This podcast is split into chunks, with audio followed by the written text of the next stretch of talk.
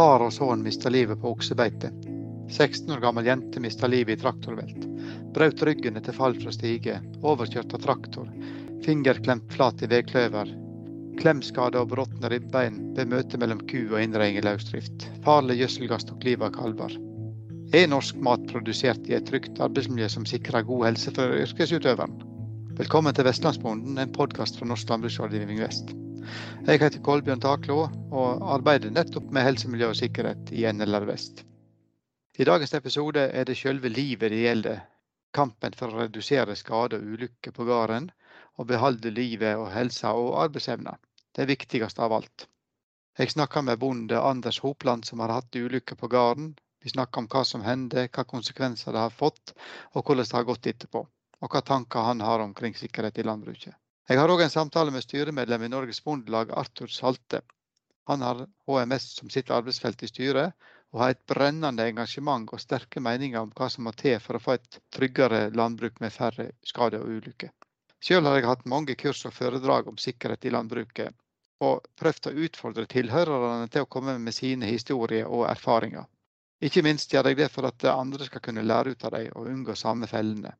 Og historiene kommer, de, men de kommer stort sett på troppa utenfor når møtet er ferdig og drøsen går mer uformelt. Og for å si det på sunnfjordsk, det er rysende historier som kommer fram. Og så snakker en om at en var heldige som slapp ifra det, og at en hadde flaks som kom ifra hendinga. Jeg tror at det er sånt snakk om flaks eller uflaks, det er på en måte et forsøk på å unnskylde eller ufarliggjøre situasjonen for å slippe å gå inn i materien som ligger bak. Bak hver ulykke eller nestenulykke så ligger det alltid en årsak som vi i mange tilfeller kunne peke ut på forhånd og visst om, ut ifra de erfaringer og opplevelser vi har. Og Dermed kunne vi ha gjort noe for å avverge situasjonen. For de fatale ulykkene med dødelig utgang så får vi aldri noe svar på det. Men for de andre hendelsene så ser vi at det ofte er små, enkle tiltak som et rekkverk eller vernebriller, rydde litt, ta på seg setebelte eller få med en hjelper som skal til. Og kanskje vi av og til må utsette et arbeid litt for å kunne gjøre det trygt. Hvorfor er dette så vanskelig å få til i en arbeidshverdag på gården? Det kan så lett gå bra. Hvorfor går det da så riv ruskende gale av og til? Og med store konsekvenser både for den berørte og de som er rundt. Og hvorfor skjer dette år etter år? Ulykker i landbruket kan skje hvem som helst, når som helst og hvor som helst. Sitatet er fra en rapport som heter 'Ikke en bonde å miste'. Stemmer det, og hva betyr det? Hva slags tiltak betyr det at vi må sette inn da? Hvem kan redde bonden? Er det Norsk landbruksrådgivning, KSL, Arbeidstilsynet? Eller handler det om at bonden må ta seg sammen og skjerpe seg? Har det noe med struktur og rammevilkår for landbruket å gjøre? Vi skal også snakke litt om klima. Klima er i endring og i sterkt fokus for tida. Det blir stadig barskere og tøffere. Vi får ekstrem varme, strengere kulde, ekstreme mengder møbler på kort tid. Ras, flaum, tørke. Hva konsekvenser får dette for helsa og tryggheten til bonden? Og hva kan en bonde gjøre for å forberede seg og sikre seg imot sånne ting?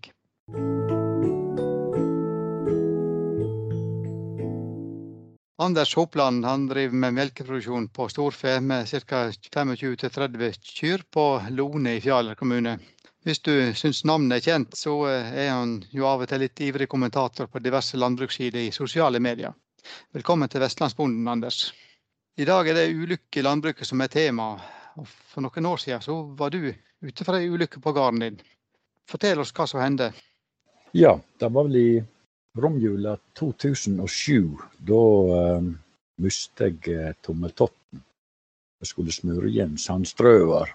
Og så vet vi jo alle da at i prinsippet så er det best å smørje når lagra går rundt. Og det gjorde jeg. Og så tok kjeden og drevet tak i hansken, og så da resten av tommelen. Så da kom da tommelen inn mellom kjede og drevet. Så hele tommelen for av, eller? Ja, det gjorde han. Helt inn til leddet. Så da, da, hadde du rett og slett starta opp sandsrørene, du da? Sånn at kjedet gikk rundt og imot ja. tannhjula? Mm. Ja. Hva tenker du om eh, det med årsak til at uh, dette hendte? Både direkte og indirekte, egentlig? Eh, ja, eh, direkte så var det rett og slett at jeg var for sløv. Jeg eh, var ikke skjerpa nok. Dette hadde jeg jo gjort før på samme måte uten noe problem. Den er vel, må vi kunne si, soleklar. Indirekte var vel etter en ganske lang periode med mye arbeid. Jeg har jo fjøsen i tillegg til veivedlikeholdet da Så var det både strøing og brøyting. Så eh, jeg var litt sliten, rett og slett. Og når jeg da fikk en fridag, så eh, sig en litt i hopet. Det var ikke noe annet enn dette jeg skulle gjøre utenom fjøsstellet. Men eh, det er vel da at det har gått for lenge med for mye arbeid. Du var jo nesten inne på det, men hva ville du ha gjort annerledes i dag? Eller hva, gjør du noen ting på en annen måte i dag når du skal gjøre tilsvarende? Ja, jeg gjør definitivt ting annerledes uh, i dag uh, enn uh, da. Jeg lærte nå mye til det både når det gjelder akkurat sånn scenario, men òg litt sånn generelt. det må jeg si. nei, annerledes, det kan jo være så mye altså, Selvfølgelig skulle ikke jeg ha satt i gang Sandstrøer slik at den Juli og drevet gikk rundt. Det skulle jeg ikke gjort. Den er jo mm. helt soleklar. Det er jo mange som gjør akkurat det samme på Eller nå er det vel kanskje mange av rundballepressene sånn sentralsmurt og sånt, men eh, jeg har hørt historier om de som gjør dette på, på rundballepress òg. Vi prøver å gi råd om at en skal kjøre litt og stoppe, og så skal en ut og smørje, og så skal en inn igjen og kjøre litt. Men det, tror du at det er mulig å gjøre? Blir det gjort i praksis? Det er nok lett å gjøre sånn. En skal jo være mest mulig effektiv og ha minst mulig dødtid. Iallfall mm. når en holder på med f.eks. rundballepressing. En har jo press i alle ender, og med veier og etc. Så uh, en gjør seg det enda, altså På nyere press er det som du sier, så er det jo sentralsmurging, Så da slipper en eh, dette der. Men har en litt eldre press, så uh, vil en jo ha dette der. Det skal faktisk, det vi oss å være bevisste på sånne ting. Og har du vært ute for ei ulykke, så er du bevisste på det. Men har du ikke vært ute for ei ulykke, så tror du jo faktisk ikke at det kan skje. Altså, jeg tror ikke det kan skje før det skjer, nesten. altså. Ja. Sånn følte vel kanskje jeg eh, da. Mm. Hva konsekvenser fikk dette videre for deg at du mista tommelen? Å, det fikk store konsekvenser. Sånn, I praksis ble jo gården stående parkert i sju år. Jeg var for så vidt eh, to år da så fullt sjukmelde. Jeg var jo til Rikshospitalet og jeg prøvde jo å montere på at den tommeltotten som da var avrøska, men uh, det gikk ikke. Og da skulle en da ta stortåa og lage tommeltott av det. Det syns jeg uh, var interessant. Uh, så det ble jo da gjort. Det var jo en del følgeproblem etter det. Jeg hadde jo åpent sår faktisk i seks, nesten sju år etter den operasjonen nede på foten. Ja, så det var, da flytta du på en måte problemet fra tommelen til foten? Ja, det gjorde faktisk det. På en måte kan jeg tenke at det er ei lita i hermetegn lita ulykke å miste en tommel, men, men, eh, beskriv hvordan det var å være uten tommel. Nei, det var i grunnen litt uh, rart. Uh, jeg fikk egentlig ikke prøve det så lenge før uh, når de satte på den originaltommen, så ble jeg sendt hjem igjen. Og så ble jeg gående med den faktisk i seks-sju uker før jeg skulle ned på Rikshospitalet. Og det var da de satte på eh, stortåa. Så eh, dette å være helt uten tommel, det prøvde jeg vel ikke. Det, det, var òg et poeng at eh, det bør være et ferskt sår når du skal montere på en mm. stortå til tommel. Har du noe mening av den skaden i dag, vil du si? eller? Ja, definitivt. Mm. Uh, foten sliter jeg med. Ja. Uh, det gjør jeg. Det, mm. Jeg blir jo aldri nok uh, kar til å gå til fjells, f.eks. Nå bruker jeg jo spesialsko og spesialsåler i skoene som tilpasser mitt eget fotavtrykk. Men jeg kan ikke gå så langt før at det har vært i foten, så jeg absolutt mener det. Så har vi jo sine begrensninger med tommeltotten, og den fungerer vel egentlig etter hensikta, men det er jo en stiv pinne, for å si det sånn. Og uten gradert følelse. Mm. Slik at uh, for meg å skru på baksida av ei plate, f.eks., det får ikke til. Altså du kjenner ikke skruen på, med tommelen, altså? Nei, og det er jo det samme hvis at jeg uh, skulle jo skjære meg på tommelen, så må jeg se det før jeg merker det. Så du har, du har, liksom litt plager begge plasser. Så det er det vi, vi sier når, når, hvis en mister noen kroppsdeler, så får du, du får det liksom aldri tilbake sånn som det var. Nei, det stemmer. Du har snakket med deg på telefonen din, da, så nevnte du at du har vært utsatt for mer skade. Er det noe du kunne tenkt deg å fortelle litt om? Ja, Eh, var det, det var nå i eh, for en halvannen måned siden. Jeg og naboen vi skulle inn noen kviger. Så fra beite. Så hadde vi jo samla dem og fått stengt dem av med grinder og alt. Og skulle ha det inn i dyrevognene. Og så var de klynga litt i hopet da, og visste ikke helt hva de skulle gjøre. Tenkte meg eh, her må jeg gjøre noe. Så jeg gikk over grinda og tenkte jeg skulle prøve å løse litt i flokken, så jeg kunne gå inn i vognene. Det skulle jeg da ikke gjort, for da var det ei kvige som eh, sparka etter meg ren skjær refleks. Hun så mm. ikke på meg, men hun følte vel at jeg var der. Så da fikk jeg solid spark i leggen. Så der røk korsbåndet, da. Men uh, det er noe sånt som kommer seg att. Så jeg regner med det har vært noe bra. Men er dette sånne ting som en, dette med å hoppe opp i en vigge, sånn, eller sånn som en gjør liksom på ren refleks, eller får du tid liksom å tenke noe gjennom? Er det risikoen med å gjøre det før du gjør det? Det var jo en bevisst handling, eh, men jeg ga ikke meg tida til å tolke dyra. Det, det, er jo mulig å tolke dyr, det er det. Mm. Og jeg tok ikke den tida. Jeg tror ikke dette hadde skjedd hvis jeg hadde venta en to-tre-fire minutter til. Da hadde de eh, har som sagt eh, funnet ut sjøl de trav. Og ikke bare trengt seg i hop, de hadde lufta hodet og sett seg rundt omkring. Da hadde alt vært mye lettere. Så der hadde jeg rett slett for mye hastverk. Men var du alene når du holdt på med dette, eller var du Nei da, eh, vi var flere stykker. Ja da, eh, vi var vel faktisk en fire-fem stykker. Det var ikke nødvendig at dette måtte gjøres der og da. Men tenkemåten var nå at dette skal jo gå effektivt og kjapt unna. Tenker du generelt på at du, når du baler med dyr, at du skal være flere stykker å hjelpe, eller gjør du det stort sett alene? En god del så gjør jeg det alene når jeg håndterer dyr, ja, som så inne i fjøsen. Det er flytting av dyr eh, fra dyrefjøsen til underavdeling og mm. motsatt. Og ja. får med folk hvis jeg har sjansen til det, men så er det ikke alltid da, eh, like lett å få tak i der og da. Så dette varierer litt. Eh, jeg er obs på det, det vil jeg nå si jeg er. Men mm. at det er fare med det, eh, mm. klart det er det. Men det er iallfall viktig å gjøre ting i dyra sitt eget tempo. Ikke mm. forsere tempoet til dyra. Og da skal du være litt tålmodig. Det er vel et uttrykk som heter at hastverk er lastverk, og det gjelder iallfall når det gjelder håndtering av dyr. Ja, helt klart. Hvis du ser sånn generelt på det, du har jo vært bonde en god del år. og Opplever du sjøl som bonde at, at, du arbeider et farlig yrke? Både og. Eh, eh, det er vel mange yrker som er farlige. Det som jeg føler kanskje er forskjell mellom bondeyrket og en del andre yrker, det er at det er høyt arbeidspress. Der er mange timer jobbing per dag, mm. og mange dager. Det er nå sju dager i veka. Og dette gjør en til at en blir muligens litt sløv, kanskje. Men det er klart at der er jo uh, mye farer, da er det jo. Men det da er det jo faktisk i en del andre yrker òg.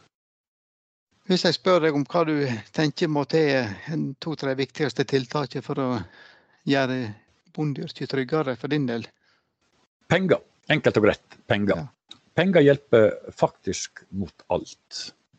Eh, en kan kjøpe seg fritid, en kan kjøpe seg hjelp, og en kan kjøpe seg bedre utstyr eh, hvis det er det som skal til. Så du tror det alene i seg sjøl vil være nok til å, å, få det tryggere? altså? En må jo ha fokus på det òg. Eh, mm. Det er ikke tvil om. Og så syns jeg det er positivt med landbrukshelsa at dere tar tak i sånne ting som dette der. Mm. Det syns jeg er veldig bra. Jeg har hatt ja. nytte av uh, landbrukshelsa sjøl her på gården, utenom dette uhellet med tommeltotten. Da, for av og til så uh, ser ikke en skogen for bare tre. Mm. Og det kan være nyttig med andre folk inn og så se på enkle forbedringer som ikke nødvendigvis koster så mye penger, men virker. Mm. Så det syns jeg er bra med landbrukshelsa det handler vel litt av målet vårt òg, at vi skal være en sånn påminning utenfra på, på, ting som en egentlig vet, men som en har kanskje fortrengt litt. Grann.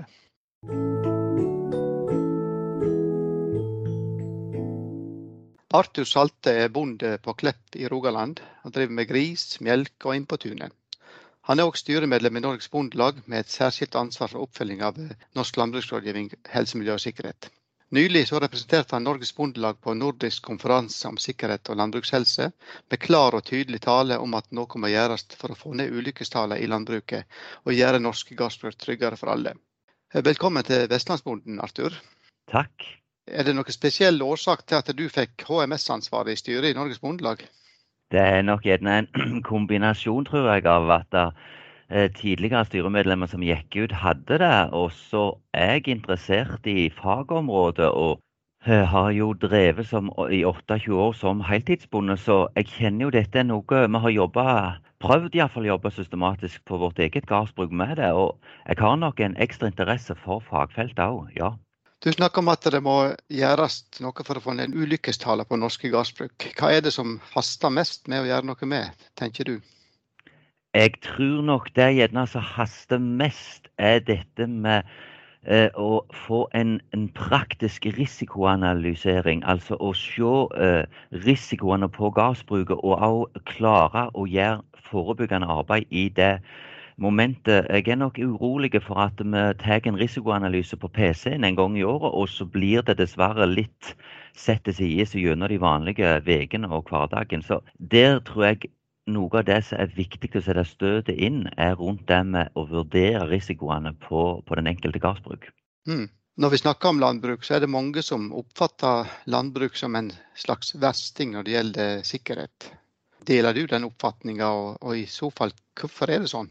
En skal nok huske på det i landbruket så har en kombinasjon av at det både er privat bolig og en har arbeid samtidig. Og en vet ulykke. Den, den plassen det skjer mest ulykke, er i den private boligen. Og kombinasjonen av det og at en gjerne går ofte alene med arbeidet, så blir landbruket har dessverre en litt for høy statistikk. Eh, og hvordan en blir oppfatta, det er nok litt forskjellig fra miljø til miljø, hvordan en ser på landbruket. Men at vi har en dårlig eh, statistikk på sikkerhet, er, er, det ikke tvil om.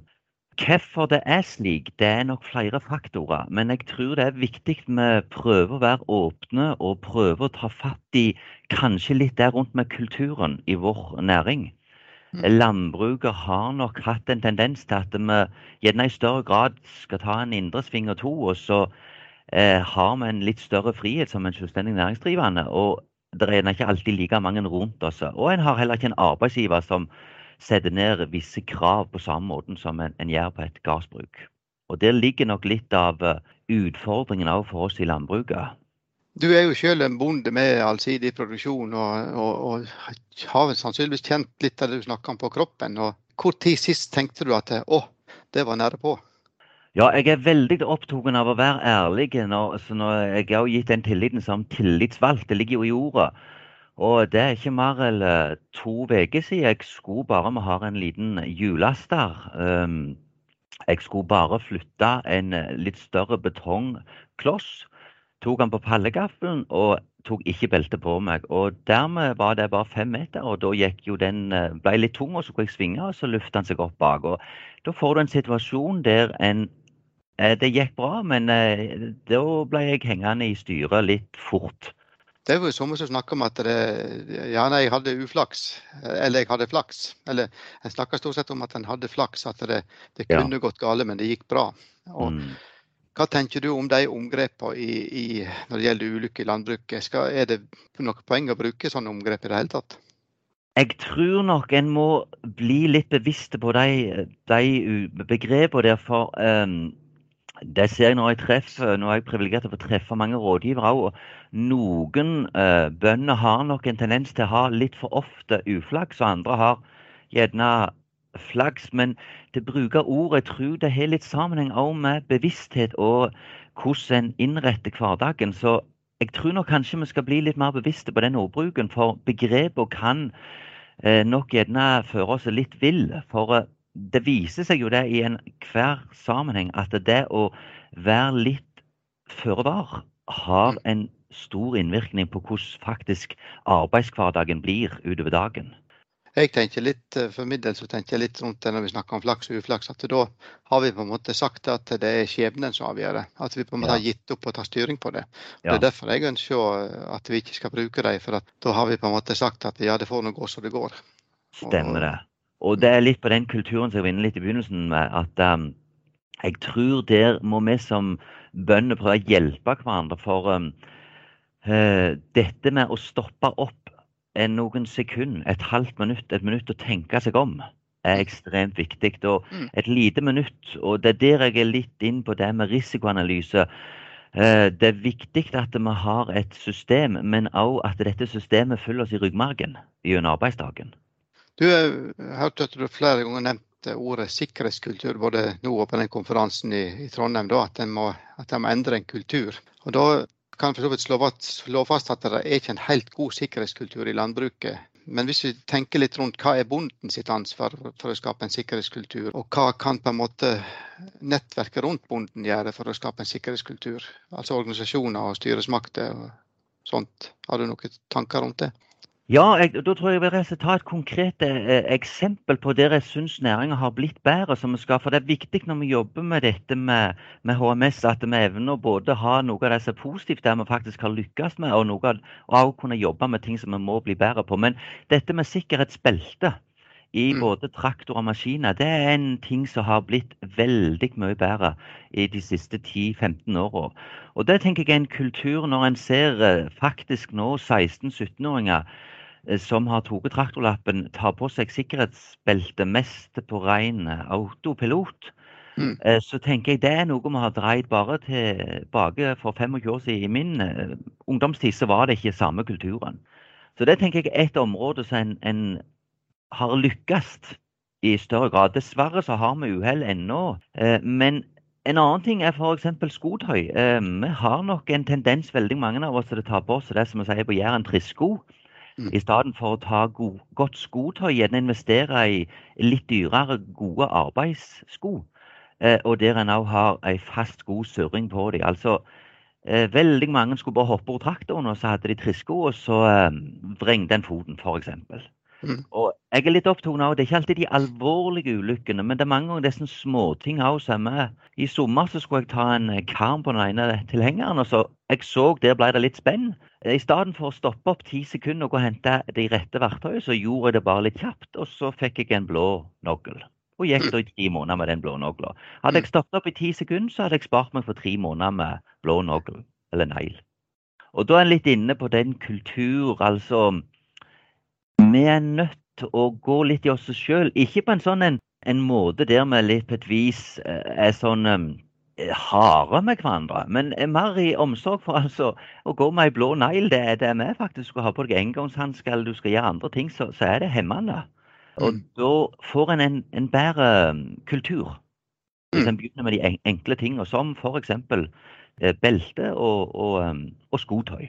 Det er litt artig at du nevner det, for jeg husker jeg har jo jobba i 25 år eh, vel det som, eh, som rådgiver innenfor helse, miljø og sikkerhet. Og, og et av de første tingene jeg satte fokus på, det var nettopp tresko. Altså du, Ja. du eh, skulle opp og flytte på ei helle på taket for at det er lak, og så popper du i treskoene og klatrer opp stigen, og så mister du treskoene, og så mister du festet. Så det er litt, litt interessant at vi, vi noen av problemstillingene er vedvarende over tid. Det er et veldig sterkt fokus på klima og klimaendringer for tida. Og det er jo ikke et eneste program på, på radio eller en podkast som kan gå uten at en snakker om klima. For landbruket så er jo klimaendringer relativt alvorlige. og Vi har jo sett eksempel på ras som har affære med rundballer og, og sånt. Og, og hva tenker du rundt endra klima? Hva har det å si for sikkerhet og helse til bonden? Ja, det er det ingen tvil om vil bli en krevende, og er en krevende utfordring. Eh, vi skal ikke komme inn på den direkte for og imot klimautfordringene, men i hverdagen for bonden så ser en jo tydelig at vinduene til å arbeide med i både vår- og høstesesongen blir mindre. Og så får en òg utfordringer som f.eks. i, i Sogn eh, med, med flom. Så kommer altså der romballer bare færre på fjorden.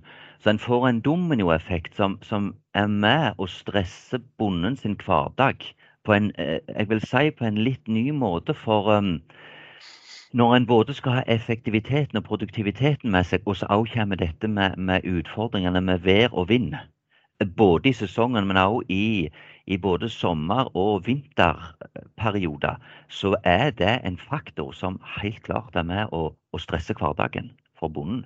Eh, hvordan vi skal forholde oss til dette, jeg tror det er veldig viktig vi som næring Eh, blir flinkere å synliggjøre disse utfordringene for samfunnet rundt oss. og Da tenker jeg først og fremst forbrukeren. Altså en bevissthet, Det ser vi nå med pandemien. Så har vi fått en, en større bevissthet for faktisk bondens viktighet i næringskjeden.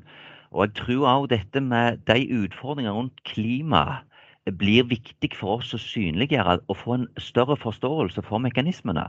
Vi har jo en, næring som nok blir fjernere og fjernere for den enkelte forbruker. Eh, altså by-bygd blir distansen imellom disse to blir bare større og større. og Det tror jeg vi som næring må jobbe mer systematisk og bevisst for å holde et fokus på utfordringene næringa har. Det er for det en ser som, eh, som, et resultat av av klimaendring, det er jo dette at en stadig kommer med større maskiner, altså med maskiner som har større høstingskapasitet. Da. Og Det er jo det ja. kanskje forbrukeren ser. og så ser det ut som at bonden han investerer jo over hals. og eh, Hvis du da ser antall timer en maskin går i forhold til, til kapasiteten, og sånn, så blir det litt absurd. da. Men der er jo, er jo en årsak, eh, altså klima er jo en årsak til at en, at en forserer mekanisering, f.eks. Absolutt, og, og, dette er viktig. Disse eh, skade- og ulykkestallene i landbruket det svinger jo fra år til år. Eh, jeg har gjort det så lenge som jeg har jobba med dette. Da. Altså, eh, ett år var vi helt ned i fire dødsulykker i norsk landbruk. I Danmark var det ned i null dødsulykker i 2012, tror jeg. Og veldig kry. Neste år så plutselig røk det opp igjen i, i over ti i Danmark, tror jeg. Og, og det er jo sånn at hvis det går bra, så er det ikke så mange som snakker om det. Altså, vi tenker ikke at vi tenker ikke det når vi setter med KSL egenrevisjon at det gikk noe bra i år òg. Jeg eh, har unngått skade og ulykker. Mens mm. derimot, hvis det skjer skade og ulykke, så er jo alle på og skal skrive om det og brette det ut. Mm. Hvordan jobber dere i Bondelaget i forhold til dette her? Ja, det er jo et eh, veldig godt spørsmål. og i Bondelagsstyret så prøver vi å jobbe mer kontinuerlig med den problemstillinga. Utfordringen vår er at veldig mye av det vi jobber med, vi har nok en først og fremst en jobb med å formidle dette og få det ut. Eh, der har vi en jobb å gjøre. Ehm, men dette er jo et lagspill, og eh, der prøver vi å dra enda tettere forbindelsen mellom styret og, de som jobber med dette sentralt, og også ut på det enkelte fylkeslag og lokallag. Mm. For um, det må ikke bli sånn som nok noen oppfatter at det blir to system. Et praktisk system og et teoretisk system. Mm. Eh, vi må jobbe mer og få dette sydd mer i hop. Eh, der bonden kjenner nytten og ser nytten. Jeg har eh, skrevet nettopp et blogginnlegg som, lagt, som er lagt ut på hjemmesida til NLR Vest. Der tittelen er 'Det kan så lett gå bra'.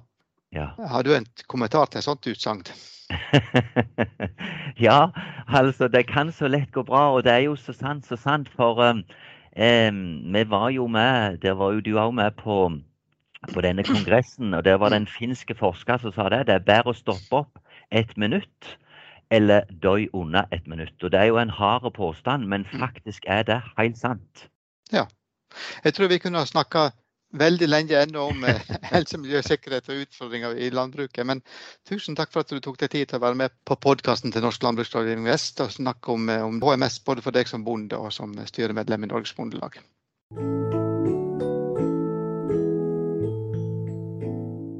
Smak på setninga 'Det kan så lett gå bra'. Ta den med deg ut i arbeidet på gården, og gjør det du kan for at det skal gå bra hver gang og hver dag. Stopp opp og tenk før du handler. Prøv å legge en plan sjøl for det som ikke går å planlegge. Holdt utstyret i orden, holdt det ryddig. Pass på at du alltid har noe å gå på. Det heter at ei lita tue kan velte stort lass, ja, men ei lita tue er òg lett å fjerne, og lasset trenger vel ikke alltid være helt smikkfullt. Bruk verktøyene som er tilgjengelige i KSL aktivt, ikke bare en gang for året.